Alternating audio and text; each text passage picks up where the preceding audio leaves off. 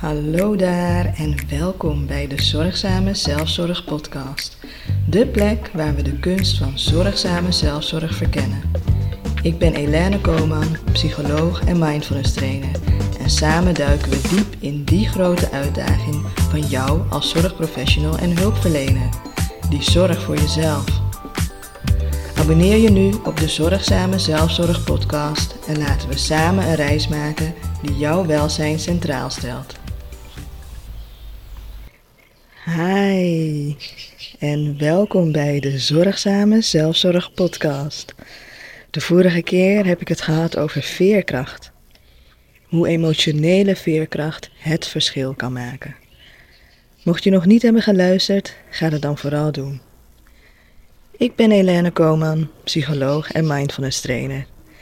En in deze aflevering ga ik het hebben over iets waar ik al heel lang over fantaseerde, maar wat ik eigenlijk pas sinds dit jaar in de praktijk heb gebracht. Namelijk buitenpsychologie. En hoe kunnen wij profiteren van verbinding met de natuur voor ons eigen welzijn? En speciaal voor deze aflevering vandaag zit ik niet in mijn eigen kantoor, maar ben ik naar buiten gegaan. Buiten in de natuur, buiten in het groen. Dus misschien hoor je dat ook wel. Hoor je iets meer uh, vogels op de achtergrond, iets meer achtergrondgeluiden. Um, ja, dat komt dus omdat ik lekker buiten ben. En misschien heb je het al wel eens voorbij zien komen, hè? Therapeuten of coaches die de natuur gebruiken als kantoor of nog mooier gezegd als outdoor office. Die naar buiten gaan met cliënten in plaats van de hele dag tussen die vier muren te zitten. Als je er nog niet eerder van hebt gehoord, klinkt het misschien een beetje gek ook, hè? Naar buiten gaan. En natuurlijk is het dan niet in de drukke binnenstad. Alhoewel, dat zou misschien ook nog wel een ander resultaat kunnen opleveren dan wanneer je gewoon in de gesprekskamer bent. Nee, bij buitenpsychologie of wandeltherapie of buitentherapie wordt het ook wel genoemd, um, ga je naar buiten in een natuurgebied, in het bos of in een park en maak je al wandelend gebruik van de elementen van de natuur om het proces op gang te brengen. Om overzicht te krijgen of om misschien tot nieuwe inzichten te komen. Je zet dus letterlijk stappen in je herstelproces.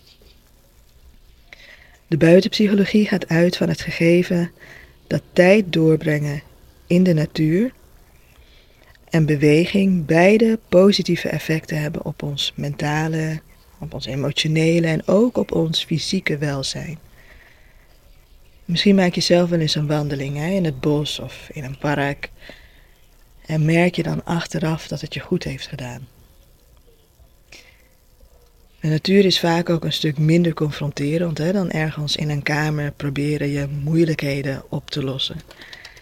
Dan kan het soms letterlijk voelen alsof de muren op je afkomen, terwijl buiten zijn ervoor zorgt dat er helemaal geen muren zijn.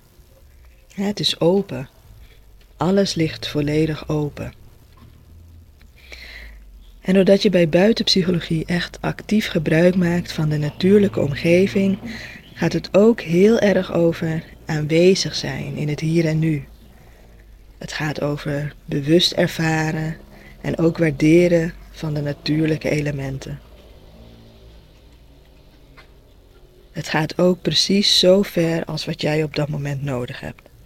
En dat kan dus gewoon een wandeling in het bos zijn, of misschien een meditatie in het park, maar misschien ook wel bewust observeren van de details van de natuur om je heen.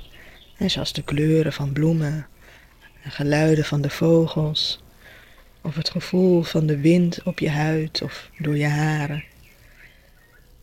Op het moment kan ik van al die drie voorbeelden heerlijk genieten. Ik zie verschillende bloemen, ik hoor vogels en ik voel ook af en toe de wind waaien. En je kunt je misschien ook voorstellen dat er meerdere symbolieken te vinden zullen zijn hè, tussen het wandelen in de natuur en je eigen persoonlijke situatie. Als je vastzit, uh, niet vooruit komt en letterlijk even een stuk gaat lopen, kan dat bijvoorbeeld symbool staan voor in beweging komen. Of um, als je in een stressvolle situatie zit, kun je misschien opmerken dat je niet wandelt, maar letterlijk aan het rennen bent in het bos. En daar dan eerst in vertragen.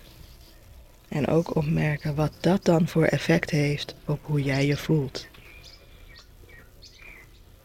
En waarschijnlijk heb je zelf wel eens aan iemand anders geadviseerd om lekker naar buiten te gaan.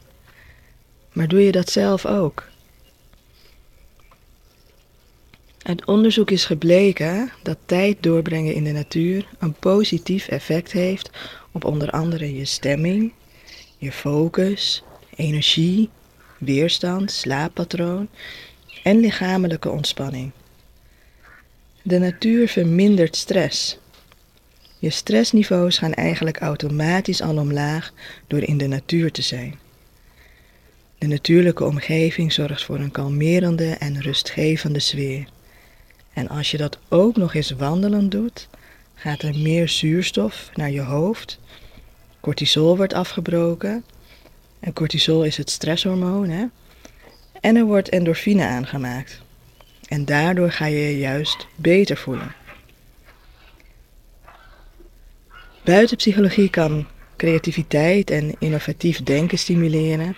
Het schijnt namelijk dat wandelen je prefrontale cortex afleidt en de prefrontale cortex is een gebied in de hersenen. En dat zorgt voor een stroom van informatie, waardoor nieuwe alternatieve ideeën binnensluipen. Je slaat soms letterlijk nieuwe wegen in en gaat dingen vanuit een ander perspectief bekijken. Gevolg daarvan is dat je ook weer makkelijker open staat voor nieuwe inzichten en ideeën. Tijd doorbrengen in de natuur is ook gekoppeld aan positieve emoties zoals vreugde en ontspanning. En dat kan je soms vast wel gebruiken na weer een uitdagende dag op het werk. Of misschien zelfs al halverwege de dag, hè, tijdens de lunch bijvoorbeeld. Het kan natuurlijk dus ook helpen bij letterlijk even ontsnappen aan werkgerelateerde gedachten en stressoren. Zo kun je focus even verplaatsen en vermindert het mentale vermoeidheid. Doordat je je letterlijk verbindt aan de natuur door te wandelen in het bos, stimuleert het ook algehele gevoelens van verbondenheid. Je bent niet alleen.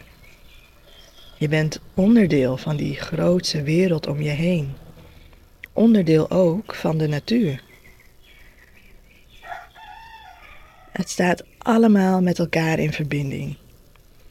En zo staan wij ook als mensen allemaal met elkaar in verbinding. Dat kan een fijn besefmoment zijn, hè? als je je even alleen voelt met al je moeilijke emoties en moeilijke gedachten misschien. In die verbondenheid ga je misschien ook de ritmes van de natuur herkennen. De natuur heeft verschillende momenten, hè? momenten van groei, momenten van bloei, van rust en vernieuwing. En wij kunnen vergelijkbare ritmes bij onszelf zien en onze zelfzorg daarop aanpassen. We kunnen namelijk niet altijd in bloei staan. En het is ook goed om te herkennen bij onszelf wanneer het tijd is om te rusten, wanneer het tijd is om te herstellen. En natuurlijk wanneer het tijd is om opnieuw te gaan bloeien. Een natuurwandeling is dus echt een ultieme vorm van zelfzorg. Het kan je helpen om meer te verbinden met jouw eigen behoeften en welzijn. Regelmatig even een contactmomentje met de natuur kan ook helpen om een burn-out te voorkomen. Los van de ontspanning laat je ook weer even op. De natuur is echt een krachtige bron van heling en veerkracht. En het is een tool die we kunnen gebruiken om onszelf te ondersteunen terwijl we voor anderen zorgen. En los van dat de natuur een helende kracht heeft, speelt ook de kleur een rol. Het groen van de natuur. De kleur groen wordt vaak geassocieerd met groei, met vernieuwing en balans, harmonie. Het is een kleur die rust en kalmte kan oproepen. Groene omgevingen hebben een vermogen om stress te verminderen. Het kijken naar groen en omringd zijn door groen kan een rustgevend effect hebben op ons zenuwstelsel en helpen om te ontspannen. Mijn kantoorruimte bijvoorbeeld kijkt ook uit op een heleboel groen en I love it. Terwijl ik met mijn cliënten in gesprek ben, kijk ik vaak door de ramen naar buiten, naar al het groen wat ik daar zie. Groen heeft ook de kracht om positieve emoties te versterken, hè, zoals hoop en vreugde en geluk. Groen kan ons diep verbinden met de natuurlijke wereld om ons heen. Of het nou een groen park, een bos of een tuin is, tijd doorbrengen in een groene omgeving kan een effectieve manier zijn om stress te verminderen en nieuwe energie op te doen. Nou, mocht je nog niet overtuigd zijn door deze woorden, ga het dan gewoon zelf ervaren, zou ik zeggen. Volgende keer dat je het bos of het park ingaat, neem dan eerst even een bewust moment. Het kan aan het begin zijn van je wandeling, maar natuurlijk kan het ook halverwege of aan het einde van de wandeling. En ga in dat bewuste moment even stilstaan. Het mag met gesloten ogen, maar soms vinden mensen dat een beetje vreemd, dus je kunt je ogen gewoon open houden. En als je daar dan staat, merk dan eerst op hoe je daar staat. Voel de grond onder je voeten en merk de houding van je lijf op. En sta dan stil bij wat er op dat moment bij jou intern op de voorgrond staat. Misschien zijn het bepaalde gedachten of gevoelens of dingen die je in je lijf op kan merken. En nadat je daar een beetje bij stilgestaan hebt, kijk je of je je aandacht naar buiten toe kan verplaatsen. En begin bijvoorbeeld bij wat je om je heen ziet. En wat zie je allemaal vanaf het punt waar je stilstaat? Wat zie je onder je? Wat zie je naast je? Wat zie je boven je? Welke kleuren zijn er? En ook wat hoor je? Wat voor geluiden kun je allemaal onderscheiden? Geluiden dichtbij, maar misschien ook geluiden ver weg. En wat voel je aan je lijf? Dus niet in je lijf, maar eraan. Voel je misschien de wind langs je huid of in je haren? Of voel je de zon? Of regendruppels? Of kou? Kun je kleren voelen? En dat kan je bij elkaar zo'n 5 tot 10 minuten doen. En daarna besluit je ook heel bewust wanneer het weer het juiste moment is om weer verder te gaan lopen. Ik ben heel benieuwd wat je dan opmerkt hè, als je zo'n bewust momentje neemt. Je kunt het me eventueel laten weten, trouwens, in een uh, persoonlijk bericht.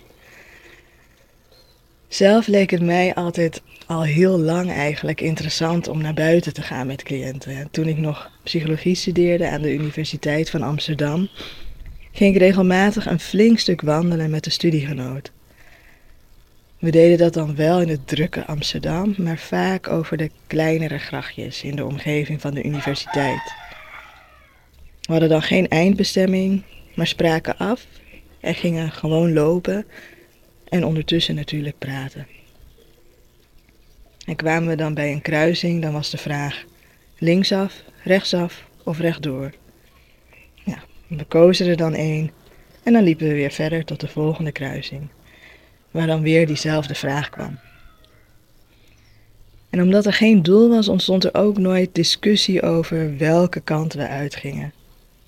En soms liepen we echt kilometers. Aan het einde van zo'n wandeling voelde ik me altijd zo rustig en ontspannen. Het had echt een therapeutisch effect. Soms ging ik ook gewoon in mijn eentje zo lopen hoor, als ik hoog in mijn emoties zat. Want Weet je, geen tijd om dan eerst uh, iemand te bellen van heb je ook tijd en dan moet die persoon nog ergens naartoe komen en ik moet nog ergens naartoe gaan. Nee, Dan ging ik gewoon zelf in mijn eentje lopen. En we studeerden nog, maar ik besefte me wel dat als dit op mij of op ons zo een effect had, dat het vast ook zo zou kunnen werken met cliënten. Maar ja, dat was toen nog helemaal niet gangbaar. Het onderwerp is wel vaker teruggekomen tijdens mijn werkcarrière. Ik werkte bijvoorbeeld een hele tijd in een verslavingskliniek op een groepsbehandeling. En daar gingen we regelmatig met de groep naar buiten toe om mindful te wandelen. En op de hele warme dagen deden collega's vaak ook gewoon de andere therapiesessies buiten. En dat waren altijd bijzondere sessies. Sommige cliënten stonden er helemaal niet voor open en vonden het vooral vervelend en ook triggerend natuurlijk om buiten te zijn. En anderen vonden het geweldig en benoemden echt best wat van die voordelen die ik eerder besprak. Ook toen ik in Almere ging wonen kwam het onderwerp van de buitenpsychologie weer naar voren. Want hè, enorm veel groen daar. Ik werkte alleen nog steeds in die verslavingskliniek in Amsterdam en nog niet voor mezelf. Nu ik in Suriname woon, een van de groenste landen ter wereld, speelt natuur weer een hele belangrijke rol natuurlijk. En omdat ik online werk, is dat wel een extra uitdaging. Maar ik heb ervaren dat het prima werkt. Ik hier in de natuur en de cliënt in zijn of haar eigen groene omgeving. Oortjes in en gaan. Het feit dat de cliënt mij dan een omschrijving geeft van wat hij of zij ziet, zorgt er dan ook weer voor dat er meer aandacht en focus is daarop, meer bewustwording. Ik merk dat cliënten er echt profijt van hebben. Maar het leuke vind ik ook dat ik merk dat ik zelf ook anders in mijn sessies zit als ik het buiten doe. De natuur heeft dus ook een directe werking op mij tijdens het werken. En dat beïnvloedt natuurlijk ook weer de cliënt. En dus ik merk dat ik er ook een betere zorgprofessional van word als ik meer tijd in een natuurlijke omgeving spendeer. Nou, ik ben benieuwd, wat is jouw ervaring met buitenpsychologie of wandeltherapie? Herken je de genoemde voordelen? Misschien heb je deze aflevering wel beluisterd tijdens een wandeling. Naar buiten gaan en in de natuur zijn zijn dus belangrijke dingen hè, om actief te blijven doen. Zoek die verbinding op met de natuur. En laat me weten hoe je dat ervaart. En dat kan weer via LinkedIn of via de website van Psychologiepraktijk Taki. Ik ben heel benieuwd. En als je het een leuke aflevering vond, vergeet dan niet om een like te geven en je te abonneren, zodat je op de hoogte wordt gehouden van nieuwe afleveringen.